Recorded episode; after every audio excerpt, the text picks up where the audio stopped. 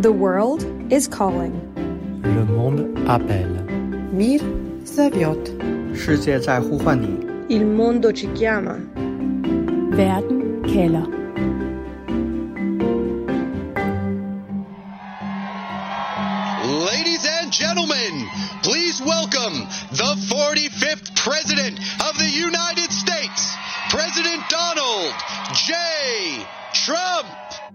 Ja, sådan lyder det, når den tidligere præsident Donald Trump træder ind på scenen til et af de mange kampagnerallies, han lige nu holder for at støtte republikanske kandidater op til USA's midtvejsvalg den 8. november.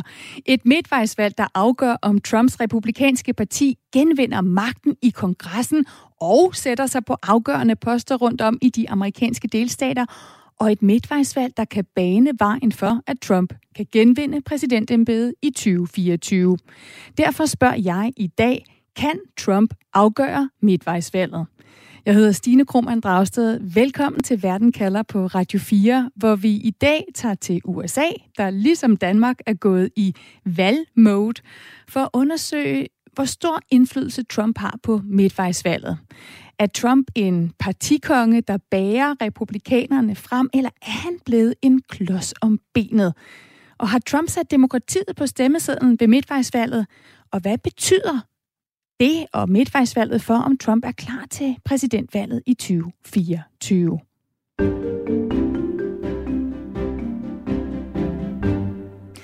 Og lad os starte i USA, hvor du befinder dig, Anne Alling, USA-journalist med fra Nashville i Tennessee. Godt at have dig med igen i Verden kalder.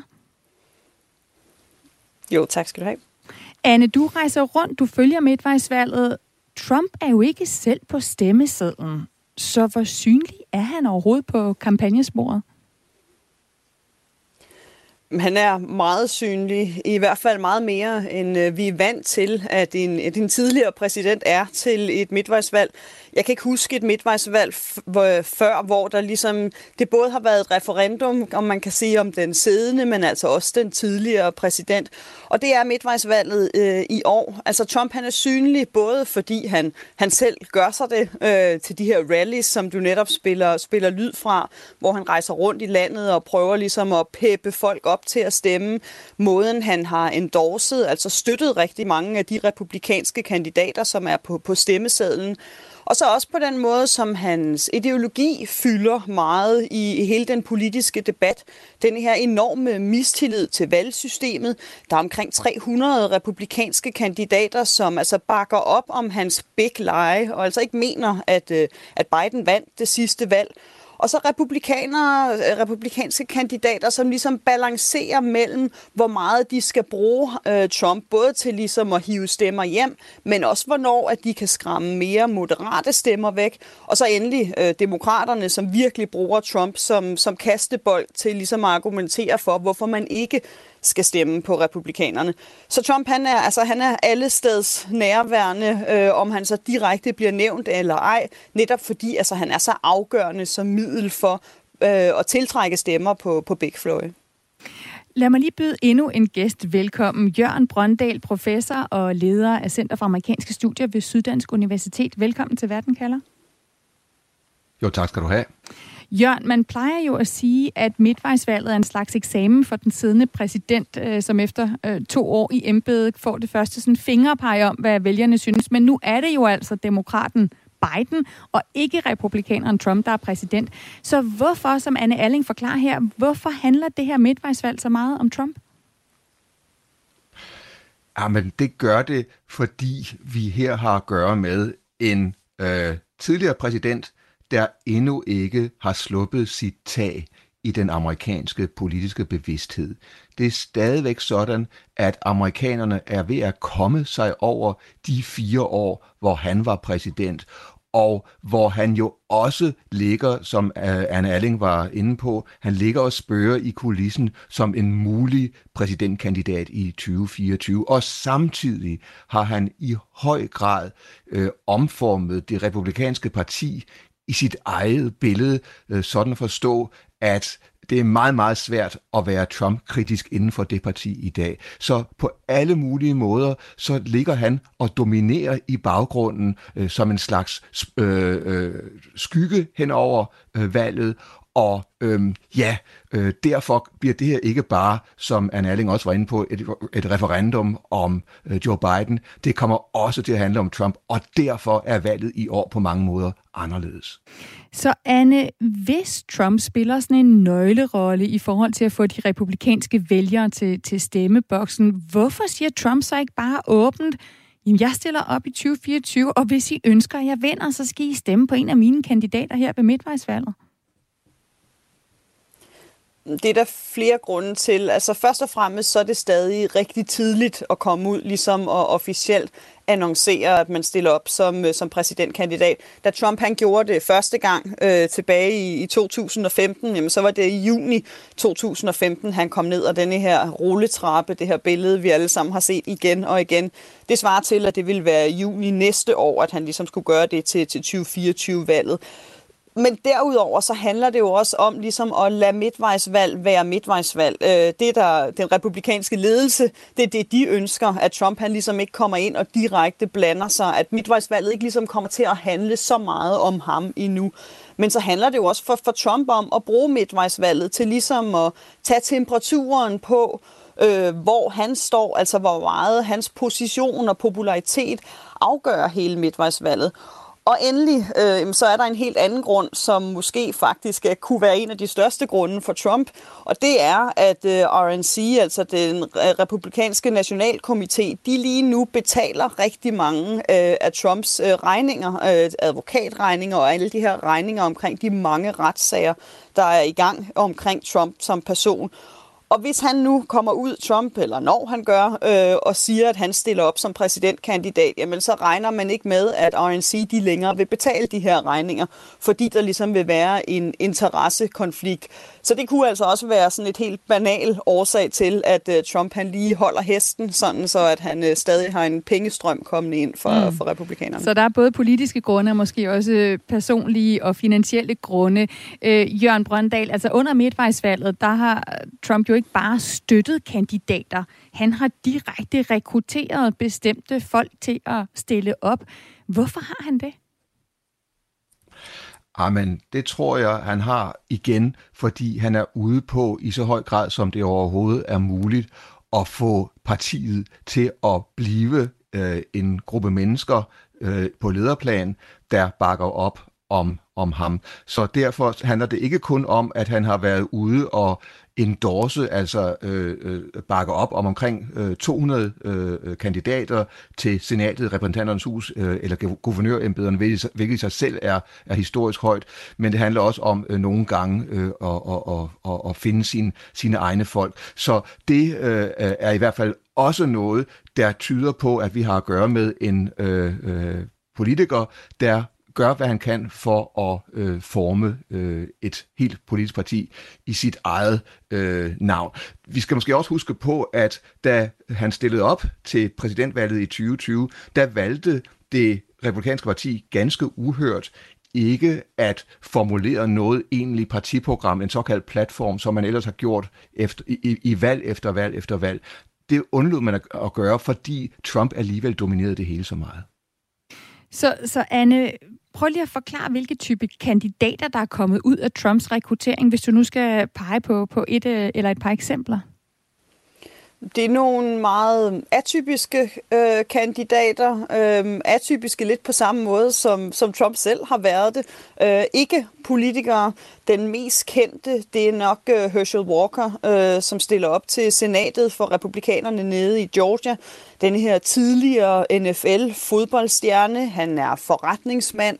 Øh, altså på ingen måde, en, han har ikke nogen politisk erfaring, men altså et kendt ansigt for amerikanere, som, som kender ham, ja, altså først og fremmest som, som fodboldstjerne.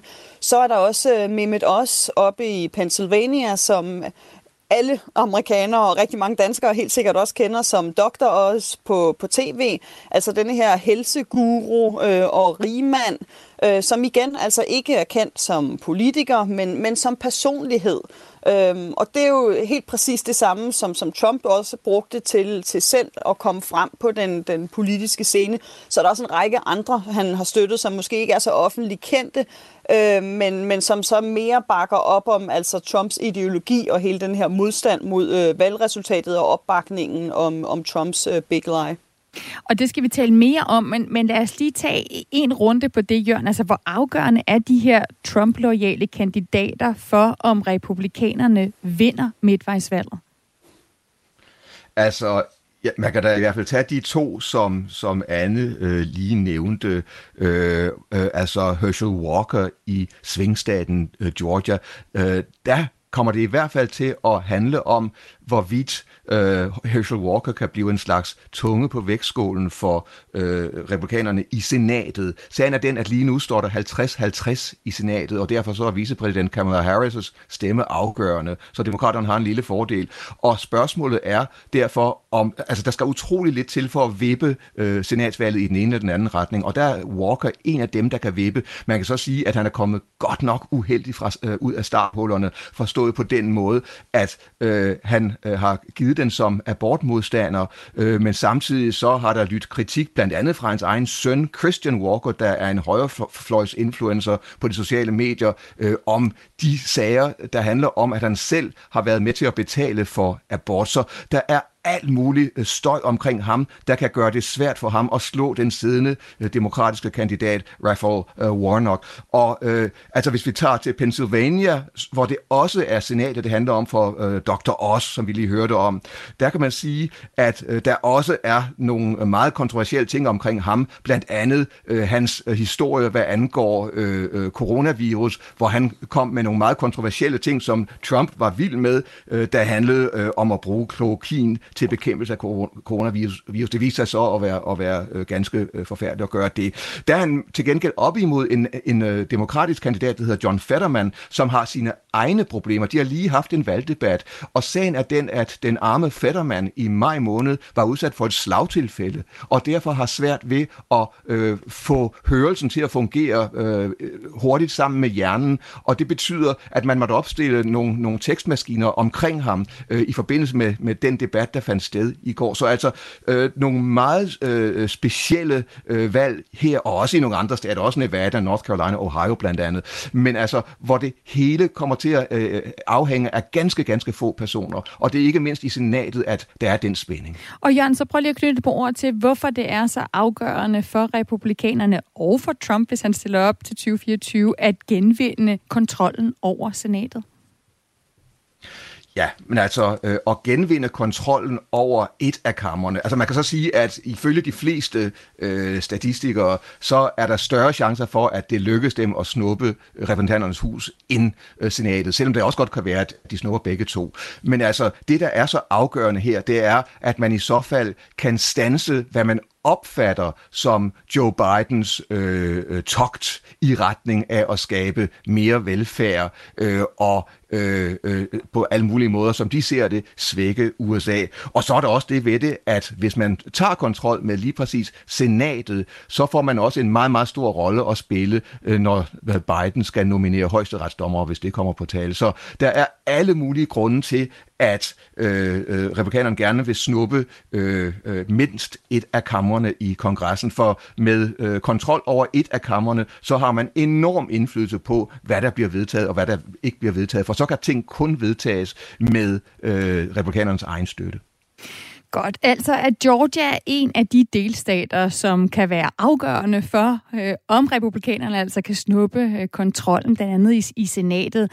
Det er en delstat, hvor den republikanske guvernør ved præsidentvalget tilbage i 2020 vagte Trumps vrede, da han imod Trumps ønske erklærede Biden som vinder. Men selv uden Trumps støtte, så ser den her republikanske guvernør altså ud til at vinde et genvalg over en af demokraternes største politiske stjerner. Det er også en delstat, hvor en af Trumps kandidater ved dette midtvejsvalg, altså Herschel Walker, kan afgøre, om republikanerne kan gribe magten i kongressens senat. Så er Trump en konge, eller er han en klods om benet på det republikanske parti i Georgia? Lytter til Verden kalder på Radio 4. Nu skal vi høre fra Peter Vagn Jensen. Han har boet i USA i over 30 år, og han støtter republikanerne, han støtter Trumps politik.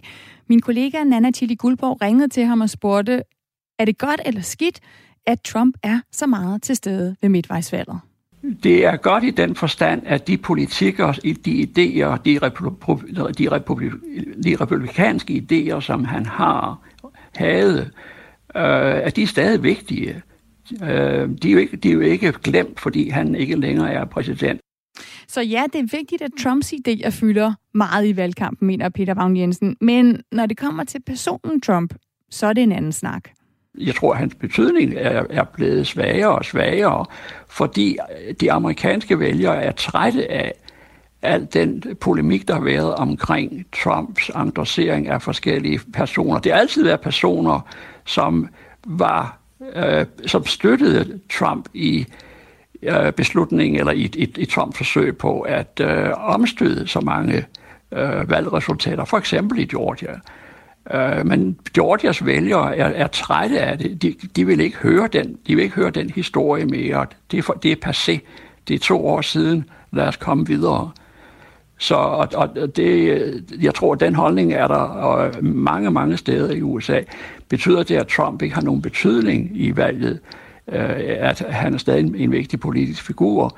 Øh, det, det skal vise sig. Valget bliver utrolig spændende netop fordi det vil afsløre, eller det, det vil bevise, hvor meget Trumps øh, indflydelse har. Øh, især over for de personer, som, som, han, øh, som han har peget på.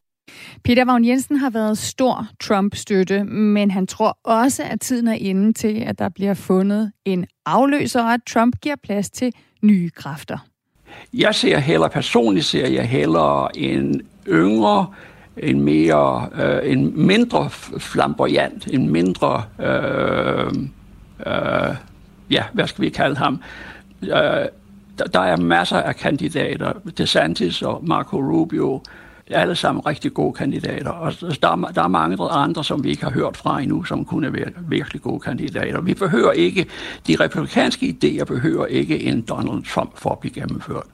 Siger altså Peter Vagn Jensen fra delstaten Georgia, som han har boet i i over 30 år.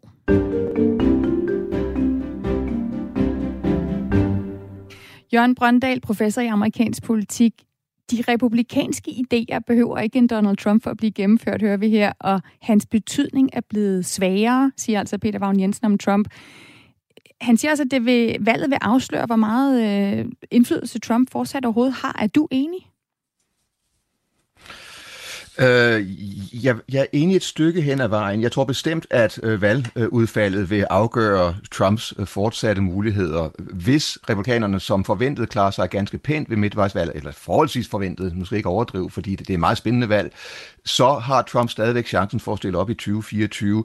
Øhm, men ellers øh, kan det godt være, at det bliver sværere. Men vi skal altså ikke undervurdere, hvor stærk Trump er i øjeblikket. Øhm, der er ganske vist alle de sager, som folk er trætte af. Øh, stormen på kongressen, der er han blevet stævnet af et kongresudvalg til at dukke op, øh, og det vil der komme et langt, rets, et, et langt slagsmål ud af, utvivlsomt. Øhm, øh, øh, bortførte dokumenter, øh, blandt andet nogle øh, hemmeligstemplede dokumenter, over 100 af dem, der endte op øh, på hans domicil i, i Florida, i Mar-a-Lago, er også noget, der, der er utroligt. Øh. så er der, som vi lige har været inde på, øh, valgudfaldet i Georgia, som det godt være, at folk er trætte af at høre om, men hvor der også er en stor jury i gang lige nu. Og så er der alle mulige ting om svindel med ejendomsværdier i New York. Så er der alt muligt. Og nogle republikanske ledere er bekymrede over Trump. De frygter, at han i nogle af de afgørende afgørende svingstater kan skræmme de, midter, øh, altså de afgørende midtervælgere væk, for eksempel hvide kvinder i forstederne, og måske nogle af de såkaldte uafhængige vælgere. Og så er de også lidt bange for, at det kan gå ud over valgdeltagelsen, hvis han bliver ved med at tale om valgsvindel fra 2020. Men altså, han samtidig må vi også sige, at græsrødderne er med Trump, og han har omformet partiet. Jeg mener, mange af de gamle Trump-kritikere er væk. Hvad er der blevet af Bush-klanen? Hvad er der blevet af Cheney'erne? Altså Dick Cheney, øh, datter Liz Cheney, øh, tabte sit primærvalg i Wyoming til repræsentanternes hus, efter hun førhen havde været en magtfuld skikkelse inden for det parti. Øh, Ted Cruz og Lindsey Graham, nogle andre meget øh, magtfulde republikanske øh, politikere i senatet, har rettet ind og er holdt op med at kritisere Trump. Så altså, øhm, og, og så der er også de der folk, de republikanere, der, der stemte for at kende øh, Trumps skyldig ved rigsretssagen i januar sidste år. Øh, der var syv af dem. Mange af dem har siden fået en officiel reprimande, og to af dem genopstiller ikke. Så jeg mener, øh, det er et parti, som Trump samtidig har sat, sat et så afgørende stempel på, at og, og, og samtidig har nogle græsrødder, der jo nærmest har et næsten kultisk forhold til ham, forstået på den måde, at hvis Trump har noget medvind i år, øh, så kommer han også til at kunne sagtens genopstille i, i 24, og fordi han øh, samtidig dominerer sit parti så meget, så hviler hans skygge tungt hen over øh, midtvejsvalgene lige nu. Anne Alling, journalist med fra Nashville, Tennessee, en sydstat, der jo grænser op til, til Georgia, hvor Peter Vagn Jensen, som vi lige hørte fra, øh, befinder sig. Du har også fulgt øh, Georgia tæt. Peter Vagn Jensen, han siger jo, at han møder mange vælgere, der stemmer republikanske, som er ved at være, være trætte af, af Trump. Øh, og Jørgen Brøndal peger her på, at det kan også godt være noget specifikt for, for Georgia, som har været igennem en, en ret utrolig øh, episode efter 2020-valget. Det skal vi høre meget mere om lidt senere i, i, i programmet med de beskyldninger, der var om valgsnyd og Trumps rolle der. Øh, men er det en holdning, som du kan genkende blandt de vælgere, du taler med, at der er en vis træthed i forhold til Trump? Så ja, til dels. Øh, jeg tror, man skal adskille mellem altså, de republikanere, øh, der elsker Trump. Øh, altså denne her ja, kul, som, som Jørgen også siger. Altså dem, der virkelig elsker personen Trump. Og så dem, der elsker de her mere republikanske mærkesager, altså det republikanske parti. Øh, jeg bor selv i Tennessee, som i den grad er en republikansk delstat, kørt ned øh, gennem delstaten og ned gennem Georgia her forleden. Og altså, der er stadig øh, Trump både 2020, 2024 flag øh, herude på, på vejen, hvor jeg bor. Der kører sådan en pickup med sådan nogle Let's Go Brandon flag, som i den grad ligesom er blevet et, et Trump-slogan også. Så på den måde, der er der stadig denne her vanvittige begejstring blandt nogle republikanere for Trump. Men samtidig altså, så hører jeg bestemt også altså, denne her længsel efter noget andet, som, som Peter Wang Jensen også siger. Altså en længsel efter noget mere øh, traditionelt, øh, især, øh, som Jørgen også nævner, altså her, altså især også blandt kvinder. Det var noget, jeg hørte allerede, altså lige efter 2020-valget, at nu kunne man altså godt tænke sig en, en mere traditionel, øh, en mindre højt råbende kandidat, som står for mange af de øh, altså republikanske øh, nøglepunkter, øh, som, som Trump gjorde, altså hans politik, men som ikke fylder så, så meget personligt. Øh, det er helt sikkert noget, jeg hører øh, blandt, hvad kan man sige, mere moderate, mere traditionelle republikanere, både kvinder og mænd, Samtidig med, at der altså så også er, stadig er den her meget stærke del øh, af det republikanske parti, øh, som, som bakker op om personen Trump, og som vi vil, altså igen vil finde ud af til midtvejsvalget, måske altså sådan omkring, hvor, hvor stor og kraftig den del af partiet egentlig er. Og Jørgen, nu nævnte du de her sager, som øh, Trump har, har, som jo kører under valgkampen, og som stadig skaber opmærksomhed. Både den om de hemmelige dokumenter nede fra Mar-a-Lago, om Trumps rolle i storm på kongressen, og alle de her andre sager, der er blandt andet om, om bedrageri og, og valgsnød. Øhm, og vi har også talt om, at der stadigvæk er den her store øh, base, den her nærmest kult øh, blandt øh, Trumps vælgere omkring den tidligere øh, præsident. Men hvis du så kigger på de kandidater, som Trump har kørt i stilling, for eksempel i de afgørende svingstater som, som Georgia, som Pennsylvania, også Arizona, hvordan ser de så ud til at klare sig? Altså, øh, generelt øh, er det sådan, at hvis vi tager øh, altså alle de kandidater, øh, der har fået Trumps øh, øh, opbakning øh, til øh, kongressen, øh, og så vidt jeg husker, så er det omkring øh, en, en to, altså til kongressen og, og guvernørvalgene, så er det omkring øh, et, et par hundrede stykker. Der er det sådan, at så vidt jeg husker, 92 procent af dem, der stillede op, øh, endte med at blive nomineret af af øh, republikanerne. Så alene det er selvfølgelig øh, interessant. Men man kan sige, at hvis vi ser på de øh, kandidater, som Trump nu bakker op rundt omkring i det amerikanske politiske landskab. Der er det selvfølgelig meget blandet, og der var jeg øh, jo også inde på før, at, at for eksempel Herschel Walker øh, ser ud til at være i knibe i Georgia, selvom det stadig er meget tæt. Øh, og det er, øh, og mens det i, i Pennsylvania også er utroligt tæt mellem Dr. Oz og hans modstander. Øh, hvis vi også tager til endnu en stat, øh, hvor der er den her slags spænding, og hvor det også handler om senatspladser, øh, så kan vi tage til Ohio, hvor der er endnu et spændende valg mellem en Trump-kandidat på den ene side, J.D. Vance, republikaner, som oprindeligt var øh, Trump-kritiker, øh, men som øh, endte op med at blive øh, en stærk Trump-tilhænger, og så hans modkandidat Tim Ryan, øh, der øh, er demokrat og har siddet i repræsentanternes hus siden 2003, øh, og som jo et kortvarigt var præsidentkandidat i 2020 hos demokraterne.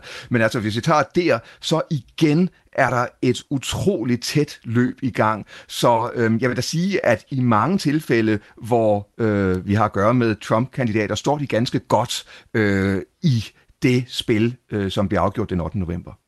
Godt. Jørgen og Anne, I hænger på. Lige om lidt, der skal vi nemlig undersøge, om Trump også har sat det amerikanske demokrati på stemmesedlen til midtvejsvalget den 8. november. Det er lige efter et kort nyhedsoverblik her på Radio 4. The world is calling. Le monde appelle. Mir Saviot. Il mondo ci chiama. Verden kalder. Kan Trump afgøre midtvejsvalget? Det er spørgsmålet, jeg er ved at få svar på her i Verden kalder på Radio 4. Et spørgsmål, jeg selvfølgelig stiller, fordi amerikanerne går til valg den 8. november. Og selvom Trump ikke selv er på stemmesedlen til midtvejsvalget, så fylder Trump rigtig meget på kampagnesporet, og de kandidater, som Trump har rekrutteret og støttet, kan spille en afgørende rolle. Både for, om det republikanske parti kan vinde magten i kongressen tilbage ved midtvejsvalget, og for, om Trump kan genvinde det hvide hus i 2024. Med mig har jeg stadig Anne Alling, USA-journalist med base i Nashville, Tennessee, og Jørgen Brøndal, professor i amerikansk politik ved Syddansk Universitet. Og Jørgen, du mener jo, at demokratiet er på stemmesedlen ved det her midtvejsvalg, ikke mindst på grund af Trump og hans kandidater. Hvorfor? Ah, Jamen, det mener jeg, fordi der i 2020 blev sået kraftigt tvivl om, hvorvidt øhm, øh, Biden var den legitime vinder af præsidentvalget, selvom alt simpelthen alt viste, at det var han. Og så kom der jo den 6. januar 2021 denne skrækkelige storm på kongressen, som har efterladt sig dybe ar i det amerikanske politiske landskab. En helt ny meningsmåling fra NBC News, som jeg så øh, øh, tidligere i dag, viser, at 65 procent af republikanerne ikke opfatter Joe Biden som den legitime præsident. Altså to tredjedel næsten af republikanerne mener ikke, at han er den legitime præsident. Øh, noget lignende aldrig set før i amerikansk historie, øh, og, og, og, det, og det er øh, dybt problematisk, når øh, man er i en situation, hvor øh, hovedparten af et helt parti øh, benægter, at den siddende præsident er legitim. Ja, fordi en ting er det her med, hvem der har ret til at stemme, om der måske er valgsnyd, men her er vi altså ude i, at der bliver sat spørgsmålstegn ved afgørelsen af valget. Altså man overhovedet vil acceptere reglerne for, hvem der har vundet og hvem der øh, har tabt. Da Arizonas republikanske guvernør for to år siden skulle godkende optælling af stemmer i hans delstat, der viste, at Biden havde vundet, der ignorerede han et opkald fra dengang præsident Trump, som ville have ændret resultatet af det præsidentvalg som han havde tabt. De republikanske kandidater, der stiller op til, til guvernør til værvet som statssekretær og justitsminister i Arizona i år, de siger alle sammen, at de ikke vil have godkendt Bidens sejr, at de ønsker at ændre valgreglerne. Anne, prøv lige at knytte nogle ord til, hvad betyder det helt konkret, hvis man vælger kandidater, som siger, jamen øh, det er ikke sikkert, at vi vil acceptere for eksempel, at Biden havde vundet der i 2020? Det betyder jo blandt andet, at vi ikke ved, hvad der sker efter valgdagen. Altså normalt er det jo sådan, at der er en valgkamp, og så er en spændende valgdag, så får man et resultat, og så er det ligesom det. Men, men nu der står øh, amerikanerne i en situation, hvor at man ligesom ikke kan forvente, altså at man, man, man går lidt og venter på, om der kommer det her opgør efter valgresultatet er kommet frem. Altså om, om vælgerne og om politikerne overhovedet vil acceptere valgresultatet, og hvad det ligesom kan, kan munde ud i øh, af konflikter. Og derudover, jamen, så er der ligesom også hele spørgsmålet omkring, hvad vil det betyde, hvis de her kandidater øh, bliver valgt? Altså, hvad betyder det, når de siger, at de vil, vil, at de vil ændre valgreglerne? Øh, der er ikke nogen tvivl om, at, øh, at, at Trump han bakker op om mange af de her kandidater, som, som støtter ham, fordi han er interesseret i at lave et, altså et Trump-loyalt system, øh, som jo også ville kunne hjælpe ham, øh, hvis han stiller op til 2024-valget. Altså skabe et, et system, hvor altså både dem helt op i toppen, men der bliver også valgt øh, politikere ind til altså positioner lidt lavere nede i hierarkiet, som ligesom alle sammen står for at skulle være med til at godkende øh, hele valgprocessen. Så der kan vi komme til at have et, øh, et, et system af, af mere Trump-loyale politikere, og det skaber en enorm uvidshed hos, hos mange amerikanere om, hvad det helt konkret vil komme til at, at have konsekvenser for fremtiden.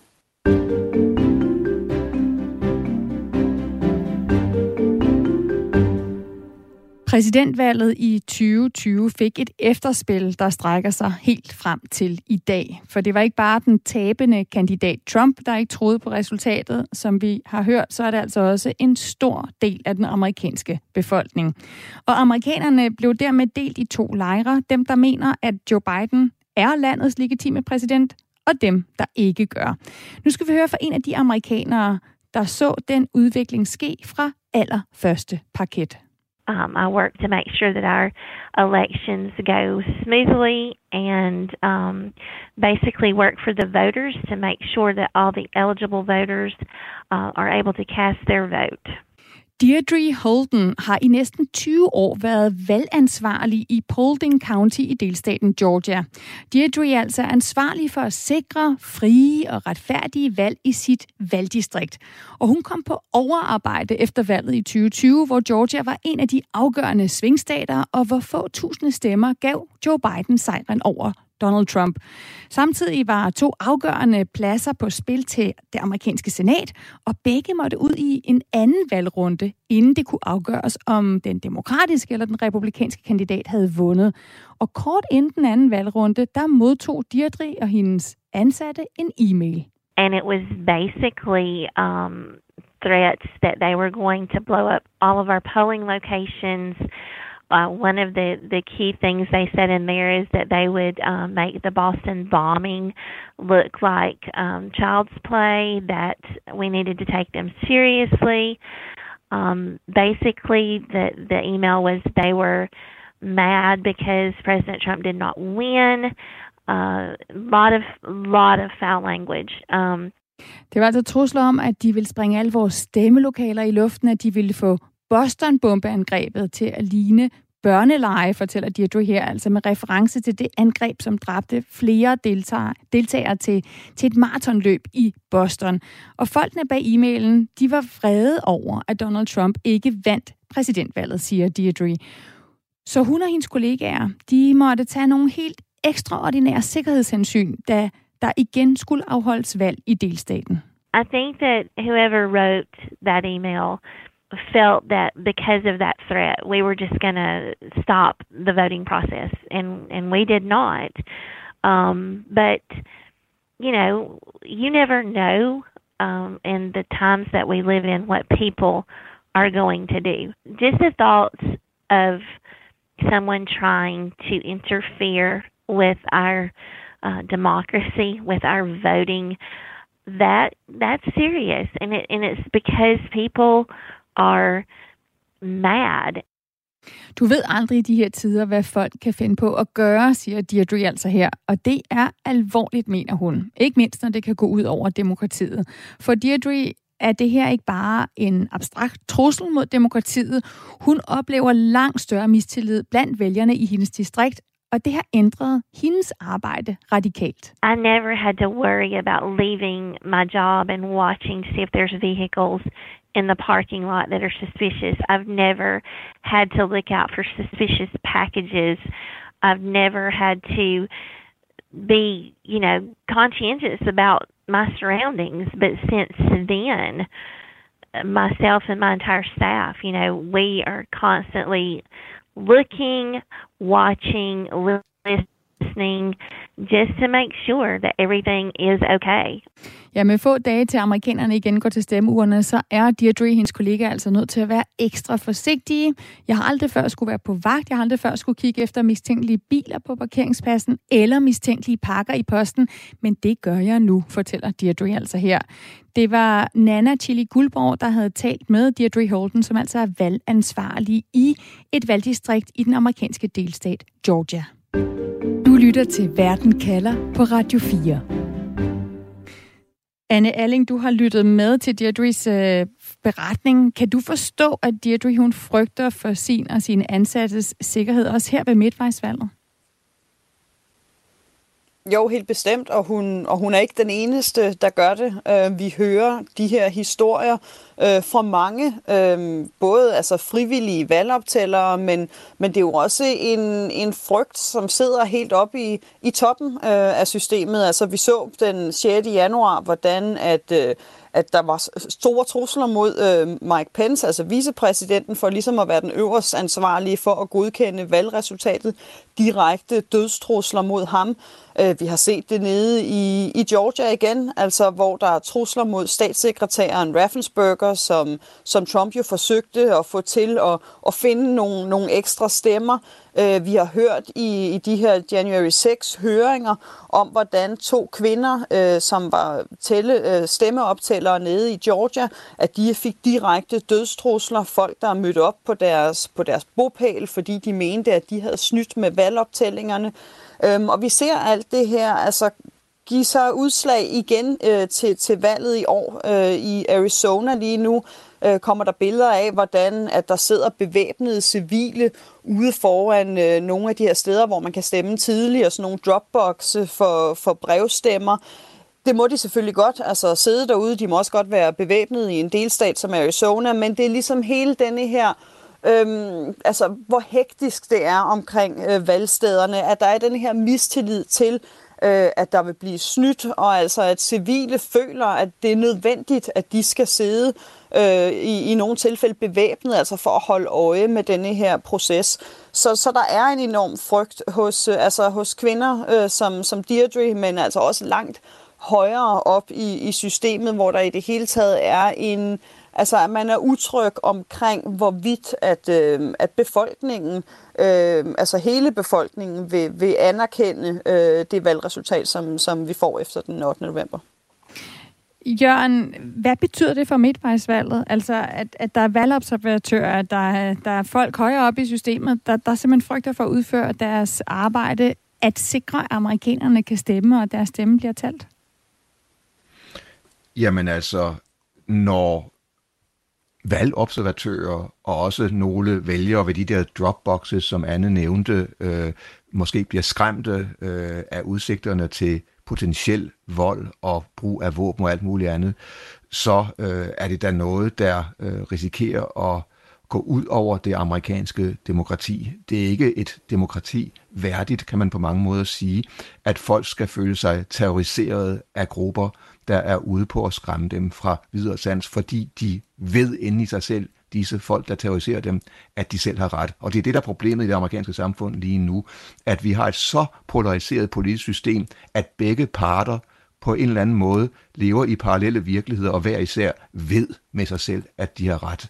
Øh, men hvor det så altså desværre går ud over det amerikanske demokrati, først og fremmest fordi der er en række øh, øh, meget, øh, øh, hvad skal man sige, fanatiske øh, og bevæbnede i nogle tilfælde republikanere, der er klar til at sætte ind, selvom vi godt ved, at der i 2020 ikke var valgsnyd, men hvor de alligevel lever i en virkelighed, hvor det for dem var sådan, at der var valgsnyd. Og når man har sådan to parallelle virkeligheder kørende på én gang, så kan det være meget svært at øh, gennemføre noget så basalt øh, for et demokratis øh, levedygtighed som et valg. Lad os lige høre, hvad Peter Vagn Jensen, der altså støtter republikanerne, der støtter Trump, øh, om så, som har boet i USA i mere end 30 år, hvad han siger om den her frygt for, at demokratiet er i fare. Altså, demokratiet er ikke troet i, i USA. Det er, det er en, en, en, en tåbelig idé. Det er noget, som den liberale presse elsker at snakke om. Jeg selv formanden for repræsentanternes hus, Nancy Pelosi, har nævnt det mange, mange gange. at, demokrat, at demokratiet er, er troet. Det, det er ikke tilfældet. Der bliver ikke borgerkrig i, i USA. Glem det. Demokratiet er ikke troet, siger Peter. Altså, øhm, Anne Alling, møder du vælgere, det kan være både demokratiske eller republikanske eller uafhængige, som er bange for at, at gå til stemmeurnerne, eller, eller som frygter, at demokratiet bliver troet her ved, ved midtvejsvalget?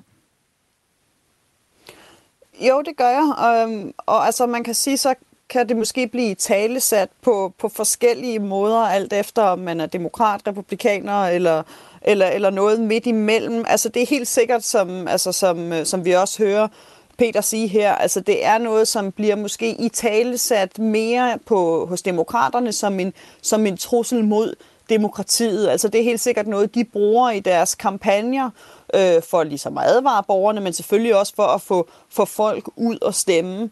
Men, men det er jo også noget, som bliver i tale sat måske på en anden måde i republikanske kredse, altså som en, som en mistillid til systemet, at man ikke er sikker på, at, øh, at valget det ligesom vil, øh, at, at det vil forløbe, øh, som det skal. At man har den her mistillid til, at der vil være folk, der, der står og, og tæller forkert øh, med vilje. Så, så jeg fornemmer helt sikkert en, en utryghed hos på begge fløje, og, og udefra set, jamen, så kan det jo godt i som, som en trussel mod demokratiet, at, at der er en, altså en mistillid til systemet, hvordan end man så ligesom vender og drejer den her mistillid, og alt efter hvem der mener, øh, hvem, har, hvem øh, er, er, har skyld i den mistillid, så er det i det hele taget altså en, så det, så det vakkelvognt øh, og, og usikkert, at man ligesom ikke er, er overbevist om, at der er en valgdag, og dagen efter valgdagen, jamen så har vi et resultat.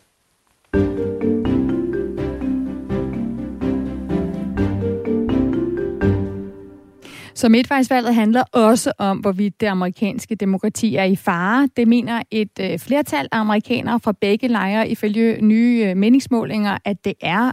De er så bare, som Anne Alling og Jørgen Brøndal også forklarer her, lodret uenige om, hvor truslen kommer fra, og de peger i høj grad på netop hinanden.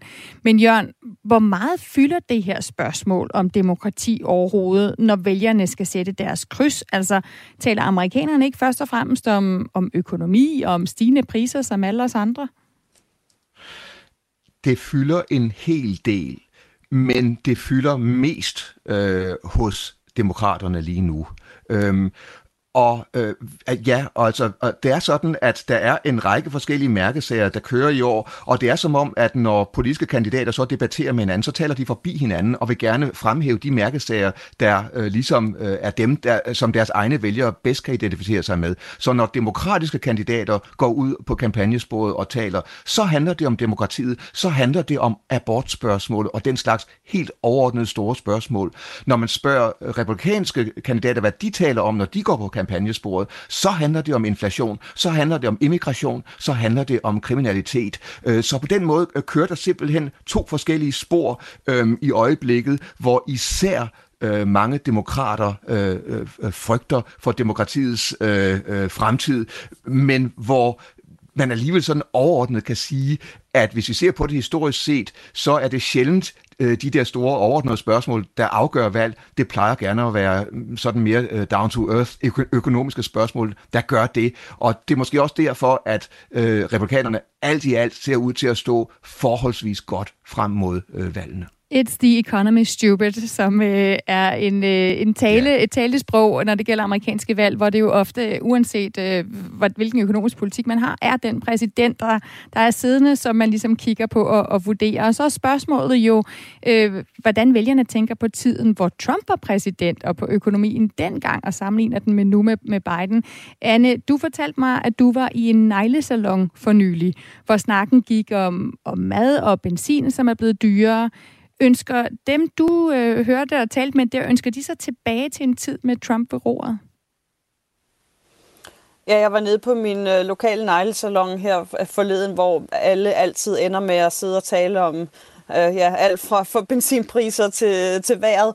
Og der øh, var der en af kvinderne dernede, der nævnte, hvordan hun lige havde været nede og handle, og det kostede det dobbelte af, hvad det gjorde for nogle år siden, følte hun. Øhm, og altså, det spredte sig som sådan en steppebrand gennem øh, salongen til, at alle ligesom sad og talte om, at ja, det var fuldstændig vanvittigt, hvor mange penge de brugte på mad, på benzin, og, og alle blev ligesom meget hurtigt enige om, at det her det var et problem, som de følte er kommet under Bidens tid. Øhm, altså de her er helt almindelige amerikanere, de er ikke økonomer, de sidder ikke og, og følger nyhederne dag ud og dag ind og ligesom følger, hvad de mere sådan grundlæggende årsager til den øh, stigende inflation og økonomiske krise i det hele taget er. For dem så er det, de kan se, at benzinen kostede mindre under Trumps tid, det var billigere at tage ud og handle, og nu under Trumps tid, jamen, der er det det omvendte. Og det er altså helt sikkert noget, jeg hører igen og igen fylde hos vælgerne, at jo, man kan godt tale om demokratiet og, og altså alle de her sådan mere flyvske værdier, men når alt kommer til alt, så er det jo det, som, som fylder i hverdagen, som også fylder, når, når de skal ud og stemme.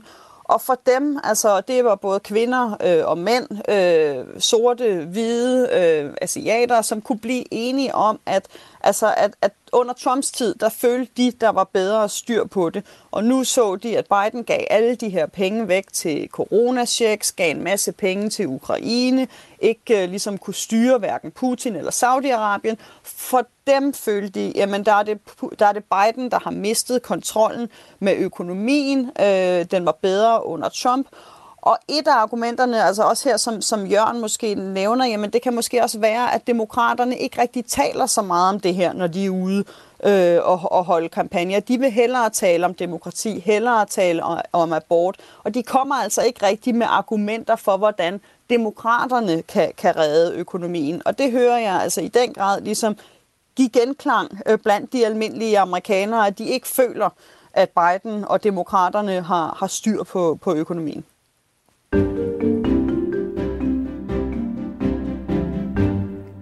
Godt, vi er nået til en konklusion, som sædvanligt på dagens spørgsmål her i Verden kalder. Altså, kan Trump afgøre midtvejsvalget? Anne, hvis du skal opsummere, om, altså, hvor, hvor stor en betydning øh, Trump har, hvad vil du så sige? At øh, det ikke er afgjort endnu. Øhm, jeg synes virkelig, det er en, en balancegang. Altså havde du spurgt mig lige efter øh, eller under primærvalgene, altså da republikanerne og demokraterne hver især skulle, skulle vælge deres kandidater, jamen så vil jeg have sagt, at, øh, at Trump virkelig altså, havde et, et stærkt hold øh, om partiet, altså øh, kandidater, som gik ud og ligesom brandede sig selv som Trump-republikanere.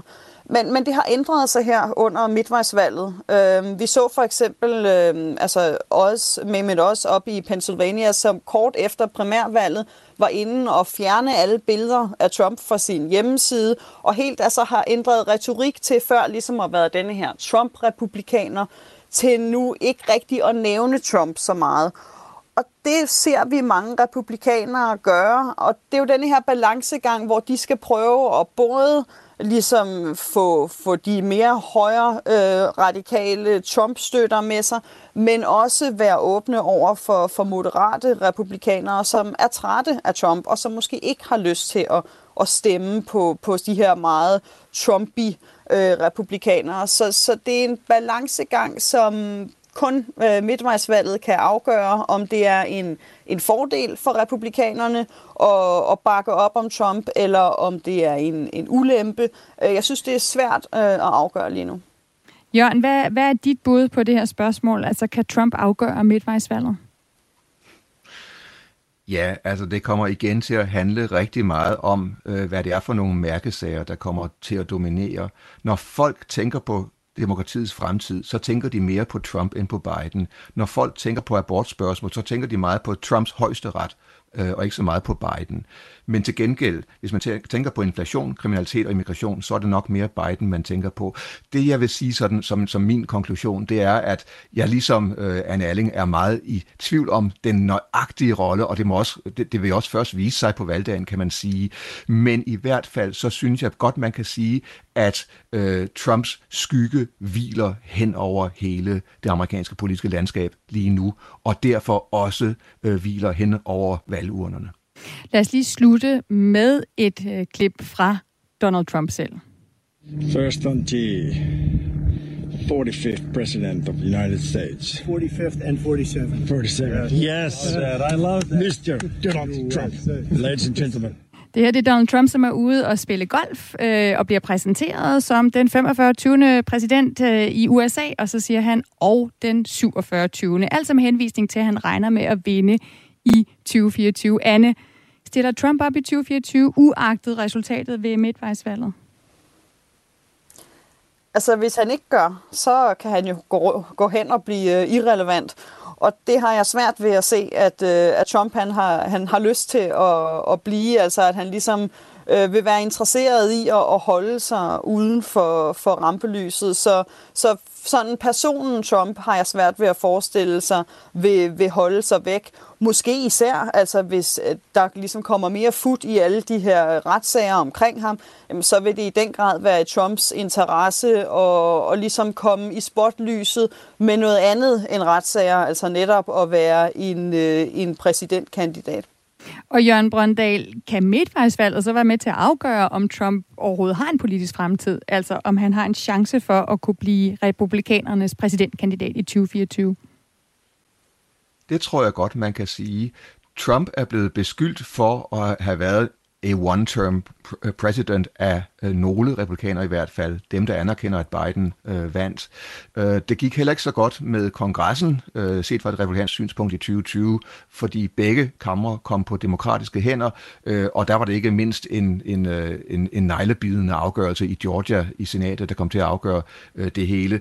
Så altså, hvis, hvis øh, det går dårligt i midtvejsvalgene, så slutter det resultat sig til en række øh, nylige dårligt republikanske øh, øh resultater. Og derfor tror jeg ikke, at Trump vil kunne øh, genopstille, eller i hvert fald genopstille med succes, hvis øh, det går republikanerne dårligt. Men det er der ikke så meget, der tyder på, at det nødvendigvis gør, fordi lige nu, så siger de fleste forudsigelser, at formodentlig snupper eller der er god sandsynlighed for, at republikanerne snupper repræsentanternes husets flertal, mens i senatet, der er det mere en, en cliffhanger.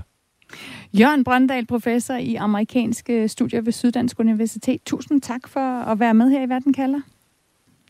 Velbekomme. Og tale om Trump og midtvejsvalget. Også tak til Anne Alling, USA-journalisten med fra Nashville i Tennessee. Velbekomme. Det var en fornøjelse at have begge to med. I næste uge, der vender vi her i Verden kalder blikket mod præsident Biden og spørger, om han kan afgøre midtvejsvalget for demokraterne, eller måske snarere, sådan som Bidens popularitet ser ud lige nu, om demokraterne kan vinde på trods af Biden. Og vi skal selvfølgelig også have et bud på, om det virkelig er Biden-demokraterne vil satse på frem mod præsidentvalget i 2024. En mand, der nærmer sig 80 år og vil være fyldt 82 år, hvis han øh, skal i gang med endnu en præsidentperiode i 2025. Trump vil på det tidspunkt være fyldt 78 år. Verden kalder var i denne uge tilrettelagt af Nana Tilly Guldborg og mig, Stine Krohmann Dragsted. Vores redaktør er Dorte Lind. Vi høres ved.